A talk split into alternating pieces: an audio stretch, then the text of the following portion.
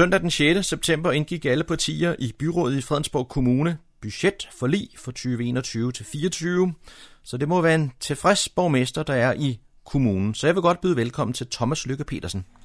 Tak skal du have, Daniel. Jamen, det, jeg er meget tilfreds. Øh, også fordi det jo er alle byrådets partier, der står bag budgetforliget i år. Og øh, det, man kan sige, det er også et historisk, det er også et historisk øh, budget, forstået på den måde, at aldrig har Fredensborg Kommune haft så sund en økonomi, som vi har nu. Vi bliver jo gældfri ved udgangen af 2023, og vi har sådan cirka 240 millioner i vores øh, kassebeholdning. Så det ser meget, meget lyst ud. Og det budgetforlig, vi nu har, har øh, indgået, der er jo udvikling i alle de fire bysamfund, og vi giver velfærden et ordentligt løft på en række områder.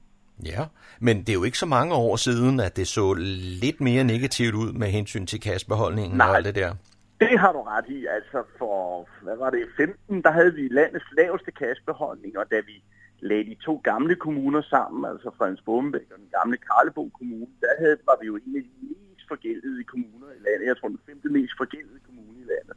Så det har været sådan en lang økonomisk rejse, og nu kan vi jo så høste øh, frugterne i, i det her budgetforlig, og det, det gør vi så også. Mm. Jeg kan sådan uh, læse i budgetforliget, at I starter egentlig med at skrive, at uh, øh, 2019 var turbulent.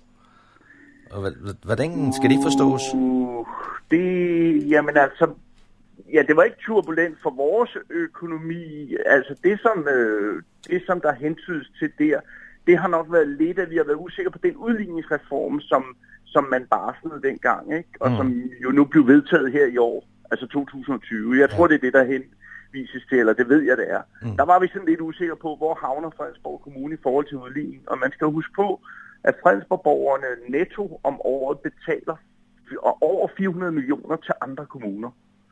Så når man regner det hele igennem. Ja. Så vi afleverer stadigvæk penge til andre kommuner. Men du fik også nævnt her for lidt siden, at øh, vi er ved at blive gældfri, og det høster vi lidt øh, frugten af nu. I har lavet mm. et øh, budgetforlig, som i hovedtræk indeholder hvad? Ja, men i hovedtræk så indeholder det jo det, at vi afdrager med over 50 millioner om året frem til 2023. Øh, og vi har jo afdraget igennem rigtig mange år. Det vil sige, at den, øh, den, den hvad hedder det, øh, nytårsaften i 23, så, så, så er Fredensborg Kommune gældfri. Og det betyder jo, så skal vi jo ikke i 2024 afdrage noget mere, så har vi de penge at gøre godt med på andre områder. Ja. Så har vi også en meget høj, eller en høj skatte, øh, kassebeholdning i øjeblikket på en 240 millioner kroner. Det betyder jo, at vi kan sætte en række aktiviteter i gang, og det gør vi så også øh, i de fire bysamfund, men også hvor vi løfter velfærden på, på ældre, pædagoger, og pædagoger, altså vores daginstitutioner og i vores skoler. Ja. Og noget af det, som man kan se frem til, er netop nogle nye øh, anlægsprojekter. Ja. Noget, noget, noget, noget, af det, man, man uh, går meget op i visse steder, det er sådan noget som uh, en svømmehal. Ja, ja, altså vi må uh, konstatere, at Fredensborg Kommune er desværre en af de få kommuner i Danmark, der ikke har en svømmehal. Der er kun tre andre kommuner, der ikke har det, og nu har vi så besluttet et inde i byrådet, at vi gerne vil have en svømmehal i Fredensborg Kommune. Også fordi der er et, et reelt behov, men også fordi, at en svømmehal er andet end en svømmehal i dag.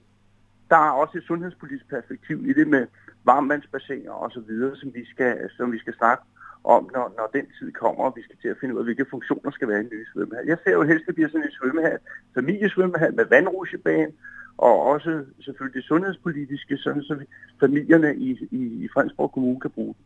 Sådan et, et lille badeland måske? Ej, badeland er måske så meget sagt. Det er jo en svømmehal, men det er klart, at der skal være nogle aktiviteter for, for familier med, med børn. Men det skal også være sådan, at man kan få sig en god og solid svømmetur i bassinet, selvfølgelig. Mm-hmm. Men I har dog også lavet et lille forbehold, og det er jo, at man skal jo stadigvæk have den her positive udvikling i gasbeholdningen. Ja, men det, det, det siger sig selv. Det, som jeg også har sagt, at hvis vi får en, en økonomi, hvor vi pludselig, lad os sige, at vi bliver ramt af et eller andet, hvor vi skal betale, lad os sige, 100 millioner til nogle andre ting, jamen så er det klart, så diskuterer man jo anlægsbudgettet, og der er det klart, der er svømmehallen en del af det, selvfølgelig. Mm. Så det har vi aftalt, men det kan også gå den anden vej. Hvis økonomien er bedre, end, end, end den er i dag, så kan svømmehallen rent faktisk øh, fremrykkes. Ja. Jeg har også sådan nogle af de der lidt mere nære ting, øh, med i budgettet. For eksempel, jeg så en, en bro til roklubben i, var det i Humlebæk? Ja, men det er fordi broen, øh, roklubbens bro nede i Humlebæk, den, den, den er en forfærdelig stand. Ja. Og, øh, og det betyder, at den holder ikke meget længe. Og der har vi afsat en, en halv øh, million til, at de kan få en ny bro dernede. Mm. Så der er selvfølgelig en række ting, hvis man læser budgettet igennem, og det kan man se ind på kommunens hjemmeside, hvordan det ser ud, øh, hvad det er, vi har, øh, har indgået forlig omkring. Vi har jo ikke besluttet det endnu i byrådet, det gør vi her sidst øh, i september, men man kan se forliget inde på kommunens hjemmeside. Jeg vil sige tak til borgmester Thomas Lykke Petersen for denne information. Det var så lidt.